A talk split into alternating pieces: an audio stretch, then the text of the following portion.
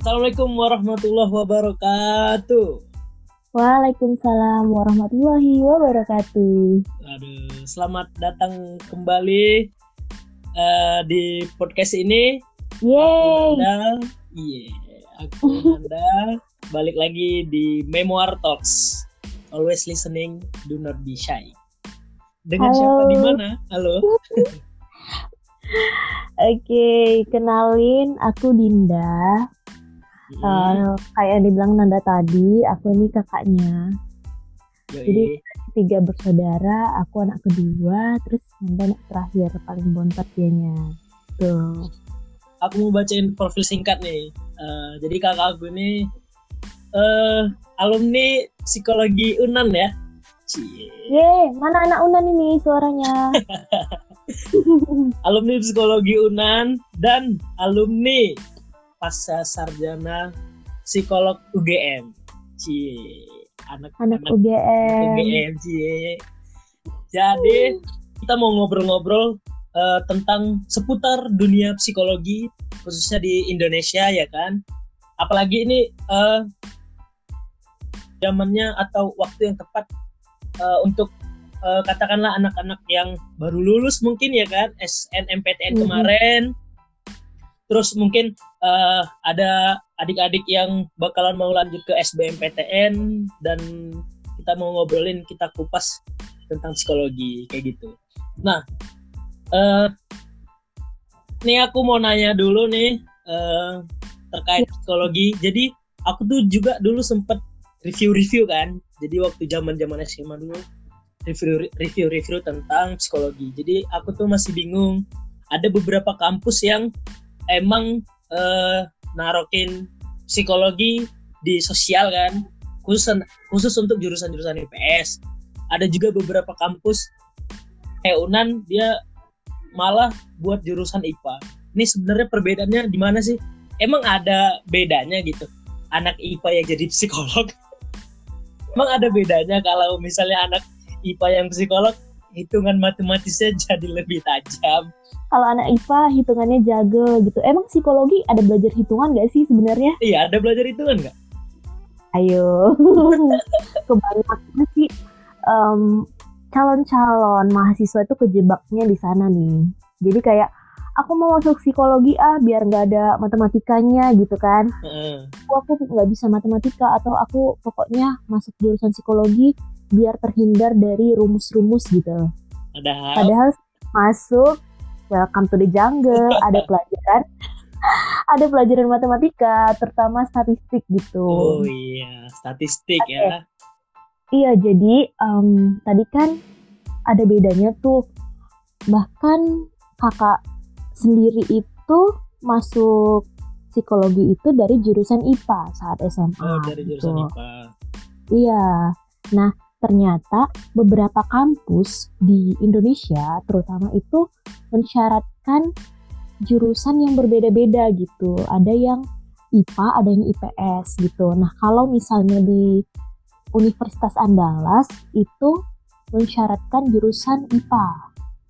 Jadi jurusan IPA boleh masuk psikologi Universitas Andalas. Ada lagi di Unpad. Di Unpad itu Pajajaran, Pajajaran ya? Batu. Heeh di Unpad itu juga jurusannya IPA. Tapi mostly itu IPS gitu. Karena emang kalau yang aku rasain sendiri sih mostly pelajaran-pelajaran kita itu lebih ke lebih banyak sosialnya. Namanya juga udah psikologi ya, human gitu. Manusia gitu ya. iya iya Um, selebihnya kampus-kampus yang kayak UGM, UI, terus ada UNIR, ada USU di Medan, Hmm. mensyaratkan jurusan IPS kayak gitu. Sebenarnya sih kalau kuliahnya itu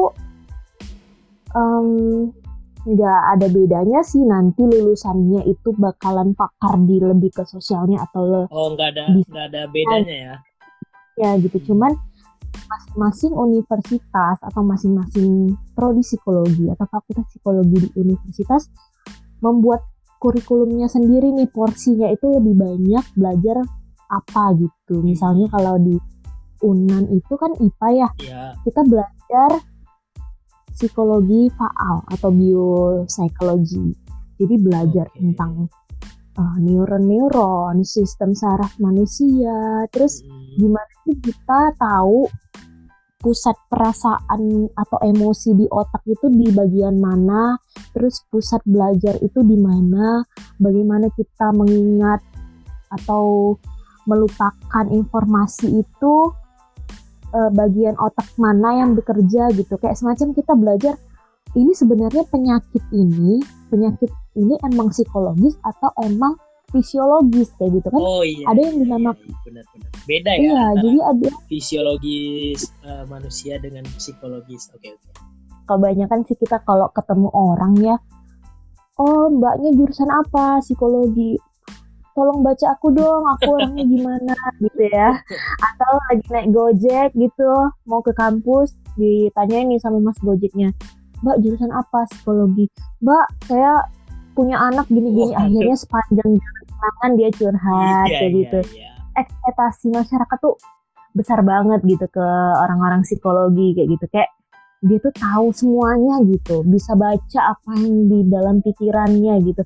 Padahal faktanya itu nggak juga gitu lah. Jadi kita bukan kayak dukun yang tahu segalanya mungkin ya itu bukan kayak gitu gitu. Jadi kita ini karena kan psikologi ini belajarnya itu ilmu perilaku ya maksudnya kita mempelajari bagaimana manusia berperilaku gitu. Proses mental yang terjadi di dalam dirinya bagaimana manusia berpikir merasa berperilaku. Ya itu tadi eh, sifatnya itu psikologis psikis jiwa yang nggak kayak fisik gitu. Hmm, kalau fisik kan dokter punya alat nih. Iya. misalnya dia em, demam terus punya termometer dicek suhunya udah kelihatan gitu berapa gitu ya. Tapi kalau misalnya psikis kita punya metode sendiri gitu. Sama kayak orang kita tuh nggak segampang itu baru ketemu terus bisa nebak nih orang gimana gitu. Tapi kita em, butuh waktu untuk em, berinteraksi dulu kita mengamati dulu kayak gitu. Dan melakukan kalau memang diperlukan kita memang melakukan asesmen pemeriksaan yang metodenya itu beda sama dokter kayak gitu. Oh iya iya iya. Jadi kayak eh, contohnya kayak tes tes. Biasanya tes tes seleksi Bener. eh, apa namanya Kreplin ya kan? Iya benar. Misalnya ada Iya, ada rekrutmen kayak gitu rekrutmen. kan. Nah kita bu perlu yang namanya alat tes psikologi. Kita perlu melakukan observasi, wawancara terhadap si calon karyawan kayak gitu. Jadi kita tools yang kita gunain itu beda dengan em, yang lainnya. Oh iya gitu. iya. Jadi eh, contohnya nih, eh, aku kan ini pertanian nih kan, jurusan agroteknologi. Mm-mm. Kan kalau di jurusannya aku nih kan ada beberapa pembagian kayak eh, peminatan gitu kan. Ada yang di Mm-mm. budidaya, hama penyakit, tanah, pemulia. Kalau di psikologi sendiri tuh ada nggak eh, fokus konsentrasi belajarnya gitu? Minatnya Iya, gitu iya. ya. Oke, kalau minat sih ada, ada banget di Apa psikologi. Makanya kenapa kita sering nemuin psikolog ada di rumah Iya. sakit, ada di perusahaan, ada di sekolah bahkan kayak gitu. Itu karena emang em, scope-nya itu sangat luas gitu. Nah, kalau misalnya di kampus-kampus besar itu biasanya dibagi atas tiga minat utama sih yang paling besar ini yaitu yang pertama ada klinis, Ada klinis. terus ya klinis ini biasanya em, menangani kasus-kasus yang mengarah ke gangguan yang lebih berat Contohnya? gitu. Misalnya pasien yang skizofrenia kalau pernah dengar atau Apa orang itu? deng- Bahasa apa itu? Oke, bipolar deh, Oh, bipolar, yang lebih Iya, awal iya, iya. Gangguan emosi misalnya kecemasan kayak gitu. Nah kalau yang kedua itu ada pendidikan. Pendidikan. Kalau aku ahli pendidikan. Oh, Nah kalau pendidikan ini case-case um, psikologi tapi dalam setting pendidikan. Jadi mulai dari TK, SD, SMP, SMA uh, sampai perguruan tinggi, pokoknya kalau dia punya permasalahan psikologi terus settingnya pendidikan itu ditangani sama psikolog pendidikan. Misalnya apa Iya, nih gitu ya? Pernah nggak lihat anak kecil, anak TK yang baru masuk gitu misalnya baru masuk TK terus dia mm, pengen ditungguin sama mamanya Ah, iya, gitu. iya, iya. Nah itu bisa jadi dia namanya eh, kecemasan berpisah dengan Orang tua. orang tuanya kayak gitu. Terus kasus-kasus bullying di sekolah, kesulitan belajar di sekolah kayak gitu. Mungkin ada yang pernah mengalami nggak teman-teman? Kita pernah punya temen nih di kelas. Dia tuh baca nggak bisa, ngitung Iya, nggak iya. bisa. Pokoknya PR-nya nggak dikerjain kayak gitu. Nah, kita cenderung akan memberikan stigma negatif anak itu apa? pemalas mungkin Maaf, atau bodoh, bodoh, ya kan? ya. saran bullying nggak? Ya bisa jadi gitu, karena dianggap eh, dia bodoh di kelas itu nggak bisa ngapa-ngapain. Padahal kalau misalnya di sekolah itu punya psikolog pendidikan, psikolog itu akan bisa melakukan asesmen nih, pemeriksaan. Apakah anaknya benar-benar bodoh atau bahkan anaknya atau pintar bahkan gitu dan mengalami? Hmm? Gimana? atau bahkan bisa jadi anaknya pintar tapi ada masalah mungkin di keluarganya atau pernah dengar istilah disleksia nggak?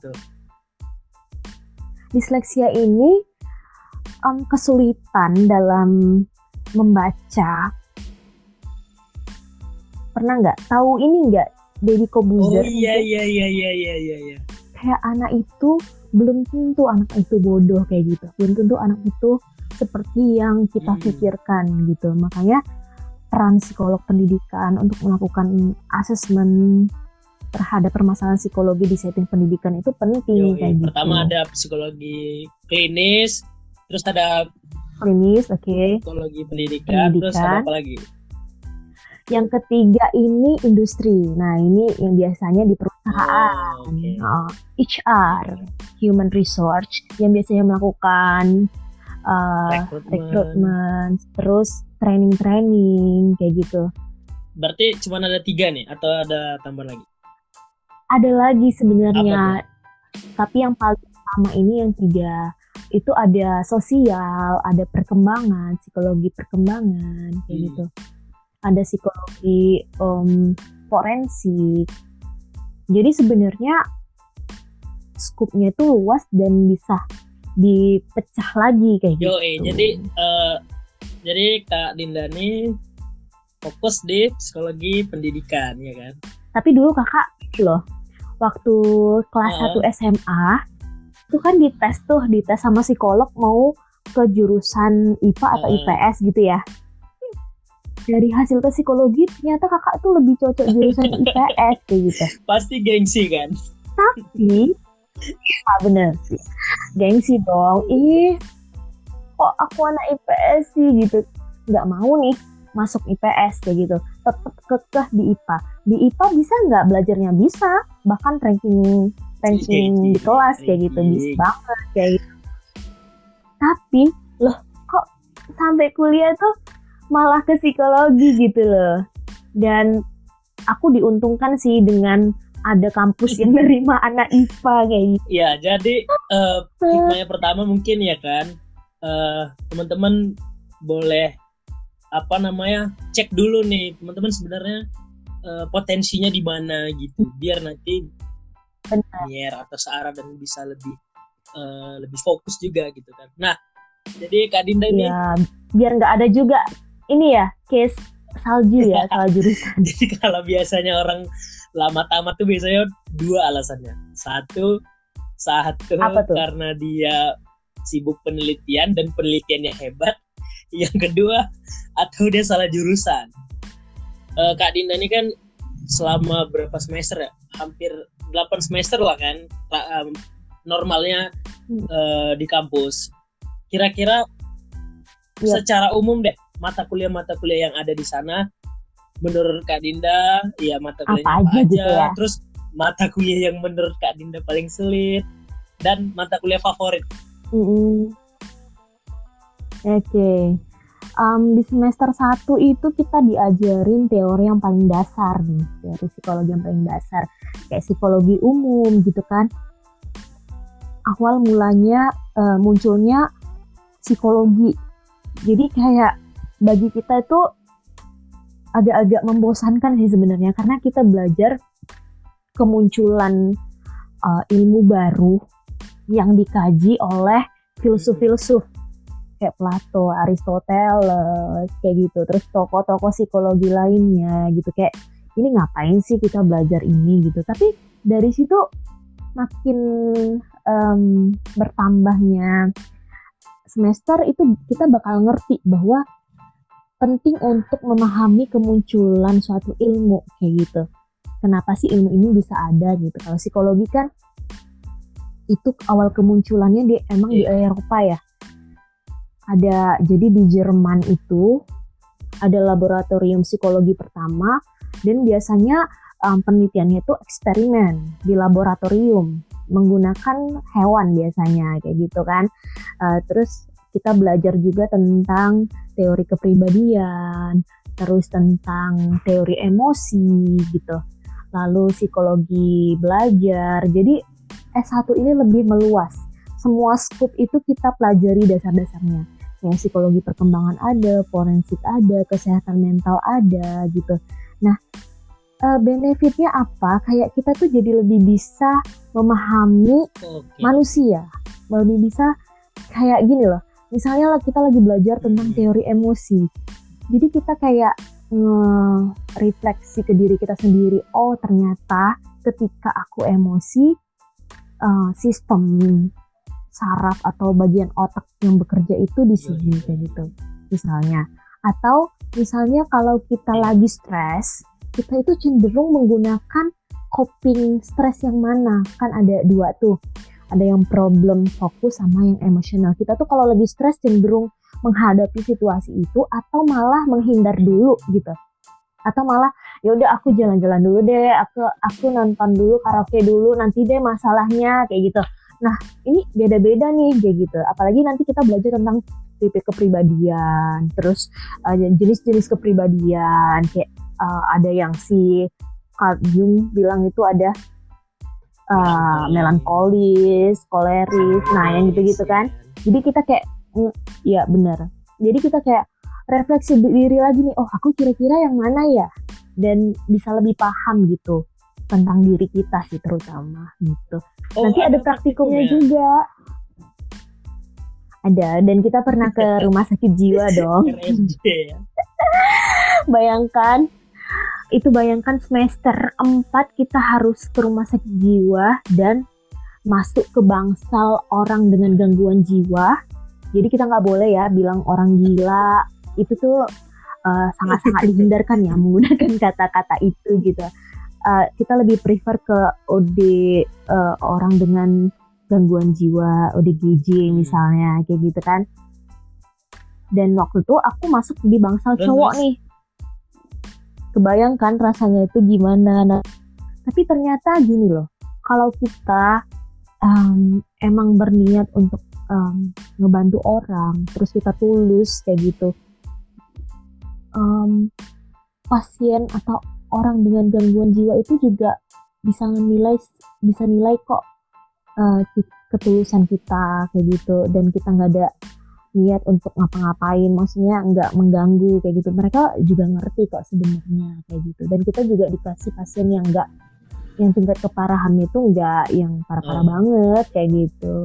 Pernah nemu pasien yang paling berkesan tuh pasien yang kayak gimana? Ada tuh pasien yang itu tadi um, skizofrenia. Jadi dia tuh kayak punya waham kayak punya um, dia menyangka bahwa dirinya adalah nabi kayak gitu hmm. jadi dia waktu salaman sama dia tuh kan dia bilang kayak gini ih energiku habis diserap kayak gitu oh. karena kita uh, jadi semacam dia nganggap bahwa ketika salaman itu ada transfer energi di dalamnya kayak gitu. Itu waktu S1 ya. Waktu S1 itu um, kita sampai home visit ke rumahnya nanya kenapa dia bisa seperti itu kayak gitu. Itu sih yang berkesan waktu S1 terus uh, mata kuliah favoritnya apa ya mata kuliah favoritnya favorit apa ya? Yang kalau masuk kuliah mata kuliah itu tuh kayaknya oh iya iya benar-benar seneng banget gitu. semangat gitu ya. Semangat, itu psikologi umum sih. Emang psikologi. Jadi waktu itu kayak punya dosen. Dosen ini namanya Pak Bet Pak Betri. Oh Pak Bet um, tapi beliau nggak ngajar lagi. Beliau oh, cuma sebentar udah gitu. lagi. tapi keren banget. Maksudnya beliau sangat menguasai materi dan kita tuh dikasih textbook. Harden Hand itu textbook yang tebel banget yang kita bisa bikin itu jadi bantal gitu ya. Karena anak psikologi bukunya pasti tebel-tebel dan um, mostly itu pakai bahasa Inggris ya nggak ada gitu. bahasa ya, Indonesia bener. ya jarang sekali karena emang kiblat psikologi itu ya di Eropa gitu oh, iya, jadi Eropa, ya. jadi emang perkembangan psikologi itu sangat pesat di Eropa jadi kita kiblatnya di sana gitu kita pakai buku-buku sana gitu hmm. um, ya itu sih kekurangannya di Indonesia itu belum begitu pesat perkembangannya jadi kayak ada beberapa teori yang nggak relevan sih yang uh, digunakan di Indonesia kayak gitu. Tapi uh, itu sih yang berkesan karena mungkin faktor dosennya juga kali ya. Kayak kita tuh um, tertarik untuk belajar itu karena dosennya juga semangat gitu mengencourage mahasiswanya untuk memahami dasar dari psikologi ini kayak gitu. Terus ada satu lagi sih, uh, ada ini namanya Bu Endang, Endang Persitarini. Masih ngajar? Um, uh, beliau dosen terbang, beliau senior manager, senior manager di PT Semen Padang. Oh, Jadi uh, HR-nya Semen Padang nih beliau nih. Jadi jadi tau nggak beliau tuh kayak misalnya hari Selasa ngajar tapi hmm. subuhnya tuh masih di Jakarta gitu loh. Saking sibuknya. Iya dan setiap uh, tiga SKS itu bahkan nggak terasa gitu kalau beliau yang masuk. Kayak apa yang dikeluarkan itu ilmu semua gitu. Masya Allah.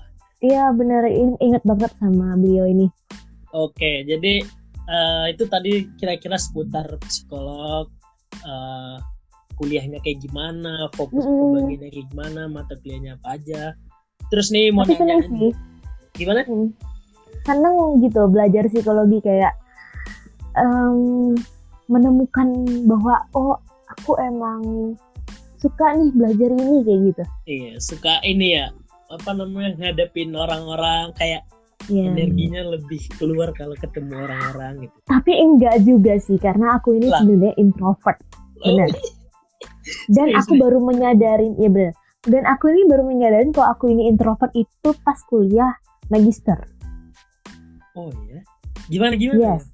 Jadi kalau misalnya orang ketemu aku pasti oh ini uh, Dinda ini kayaknya ekstrovert dia. Dia Iya.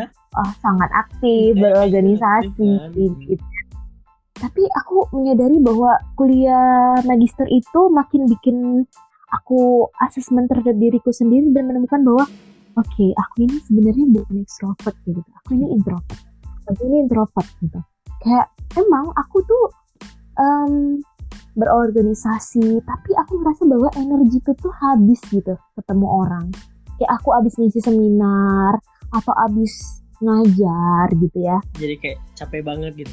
Iya jadi kayak baru nyadarin kalau abis atau abis ada sesi konseling dengan klien tuh kayak pengen cepet-cepet pulang ke rumah terus langsung masuk kamar terus me dulu gitu baru nanti ketemu orang lagi gitu tapi bukan berarti aku nggak menikmati ya justru aku menikmati kok dengan yang seperti itu kayak gitu hmm. bagi kita sebagai seorang introvert itu yang penting adalah uh, gimana sih kita menyesuaikan diri dengan situasi aja sih? Karena oh, okay. profesiku itu kan juga untuk aku untuk berinteraksi dengan orang kan gitu. Okay. dibilang uh, menikmati aku dan menikmati juga. mungkin hmm. untuk topik yang ini di ini dulu kayaknya. Di jeda dulu ya kan? Nah okay. khusus untuk ini mungkin kita bahas di next episode kan uh, uh, terkait mengenai introvert, extrovert. Karena teman aku yang ngadapin kayak gitu uh, terus tips-tipsnya dan lain-lain apalagi uh, masa karantina sekarang ini ya kayak iya, ekstrovert pengen keluar rumah gitu. hmm. gitu sementara yang aku tuh kayak wow ini me timeku banget kayak iya, gitu ya jadi orang-orang apalagi kayak aku nih contohnya kan kayak pengen keluar aja dari dari tapi aku menikmati gitu. sih kan ini aku juga lagi work tapi, from home tapi kok mungkin nggak gitu. Orang yang awalnya ekstrovert tapi lama-lama ada faktor-faktor tertentu mungkin jadi dia lebih introvert. Contohnya kayak aku nih kan kan ekstrovert oh. banget nih. Energiku tuh oke. okay. berada di luar gitu. Kayak ketemu orang-orang kayak semangat banget. Tapi selama hampir sebulan ini di rumah terus jadi kayak lebih pertama jadi lebih sering hampir 8 jam baca buku di kamar sendirian terus uh, lebih sering denger dengerin musik me time di kamar oh. jadi bahkan oh. sampai teman-temanku ngajak keluar nih kan sampai nolak oh. gitu saking senengnya dengan dunia baru ini itu kayak, kayak gimana gitu oke okay. kita bahas di sesi selanjutnya aja gimana ya ampun ya ampun punya punya um, sesi khusus untuk ngebahas kepribadian okay, manusia. Oke oke gitu. Oke ini uh, mungkin ini sebelum penutup ya. Untuk lulusan-lulusan nih kan lulusan-lulusan psikologi pengen uh, prospeknya itu bisa ke mana aja gitu. Uh, bisa kerja hmm. atau di mana. Terus uh, apakah menjadi seorang psikolog atau psikiater atau konselor tuh uh, gimana? gimana gitu penjelasannya? Monggo. Ini kalau dibahas lagi ini bisa tiga SKS lagi ya, nih karena ini topiknya khusus. You need to prepare. Oke okay, untuk ya. untuk untuk topik ini kayaknya bisa next episode juga kali ya. Tapi eh, secara kita... umum nih secara umum uh, prospek keluarnya lulusannya itu bisa jadi apa aja? Oke okay um, seperti yang aku bilang tadi settingnya tuh banyak banget. Kamu bisa jadi uh, di perusahaan jadi HR Oke, jadi gitu. HRD ya Oke, atau di sekolah kamu jadi konselor hmm. gitu atau di rumah sakit kamu bisa jadi asisten psikolog kayak gitu Oke. ya atau kamu bisa jadi asisten untuk uh, peneliti buka asisten. praktek psikolog juga bisa ya? Iya, misalkan yang buka praktek psikolog nih, kamu bisa jadi asistennya, tapi belum psikolog ya, gitu. Oh, untuk yang S1. Okay, okay. Psikolog jadi tuh biasanya psikolog, untuk master atau dokter? S2. Magister. Okay. Magister yang magister. ngambil profesi. Jadi sekalian gitu, magister profesi kayak gitu. Oke, okay, asik. Uh, mungkin itu aja. Terus ini mungkin terakhir ya. Uh, Kak Dinda okay. mungkin bisa kasih tiga kata deh untuk psikolog. Tiga kata yang ngegambarin psikolog menurut Kak Dinda oke tiga kata. Um, manusia. Manusia oke. Okay. ya manusia. Proses mental. Proses mental. Mental deh mental. Iya. Iya mental. Karena mental ini sesuatu yang berada di dalam ya. Jadi, terus satu lagi, satu lagi. Um, perilaku sih Oke, jadi ada mental, manusia, manusia dan perilaku. Mental dan perilaku. Oke, ya jadi uh, untuk episode kali ini mungkin ini ya. aja kita tahan dulu beberapa uh, topik ya. Memang banyak banget nih permintaan. Banyak banget ya. Dari uh, mental yang drop, introvert, extrovert, terus mengenai terus yang ngadapin karantina kayak gimana dan lain-lain dan uh, untuk adik-adik yang pengen lanjut SBMPTN mau ngambil psikolog mungkin ini bisa jadi pengetahuan dan juga bisa jadi apa ya bisa jadi pedoman juga untuk uh, tahu uh, gimana proses perkuliahan dan beberapa mata kuliah uh, yang akan dijalani Terima kasih banyak Kak yep. Dinda ya. Nanti kita ketemu. Oke, okay, sama-sama. Terima kasih banyak guys yang udah dengerin. Uh, sampai ketemu lagi di episode selanjutnya. Ketemu lagi ntar di Memoir Talks. Bye bye.